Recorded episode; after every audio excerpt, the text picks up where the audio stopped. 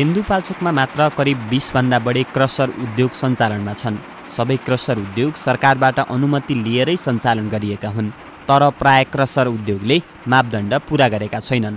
जिल्ला समन्वय समितिका प्रमुख कृष्ण गोपाल तामाङ। कुनै पनि क्रसर उद्योगहरू मापदण्डभित्र छैन। भनौँ बाटोको मापदण्ड कसैले पुरा गरे होला तर खोलाको दूरीबाट त्यो मापदण्ड पुरा हुँदैन। अनि त्यस पछाडि खोलाको दूरी र बाटोको दूरी चाहिँ पुरा गरे होला यता चाहिँ अर्को जङ्गलको दूरीबाट मापदण्ड पुरा भएको हुँदैन। क्रसर उद्योग सञ्चालनका लागि हरेक जिल्ला स्थित घरेलु तथा साना उद्योग कार्यालयले अनुमति दिने व्यवस्था छ।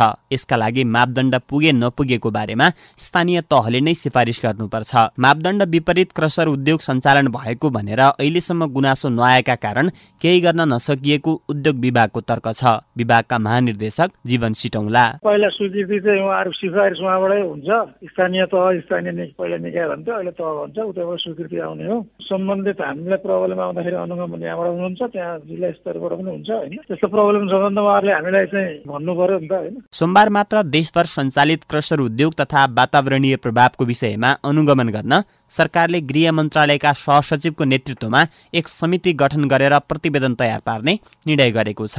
गृह मन्त्रालयका सहसचिव एवं प्रवक्ता केदारनाथ शर्मा। गृह वन तथा वातावरण उद्योग वाणिज्य तथा आपूर्ति सङ्घीय मामिला तथा सामान्य बजार मन्त्रालय र भौतिक पूर्वाधार तथा यातायात मन्त्रालय पाँचवटा मन्त्रालयको समिति त्यो अहिले जुन देखिएको समस्याहरू छन् नि। अनि समस्याहरूमा कानुनमा के प्रावधान छ होइन। कानुन कसरी गर्न सकिन्छ भन्ने सन्दर्भमा हेर्ने भन्ने खालको निर्णय भएको होइन। मन्त्री परिषदले दुई हजार एकहत्तर मङ्सिरमा मापदण्ड नपुगेका क्रसर उद्योगलाई स्थानान्तरण गर्न उद्योग मन्त्रालयलाई निर्देशन दिएको थियो। त्यसपछि खानी तथा भूगर्भ विभागले चौध जिल्लामा पन्चानब्बे खानी पहिचान गरेर स्थानान्तरण गर्ने निर्णय गरेको थियो। तर अहिलेसम्म पूर्वाधार समेत निर्माण भएको छैन।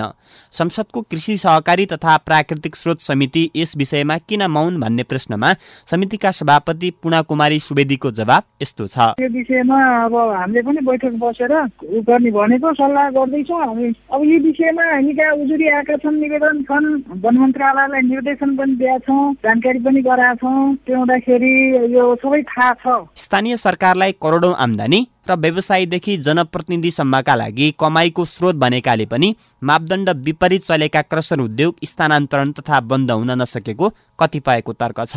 क्रसर उद्योगमा राजनीतिक दलका नेता र उच्च प्रशासकको समेत लगानी रहेको चर्चा चल्ने गरेको छ।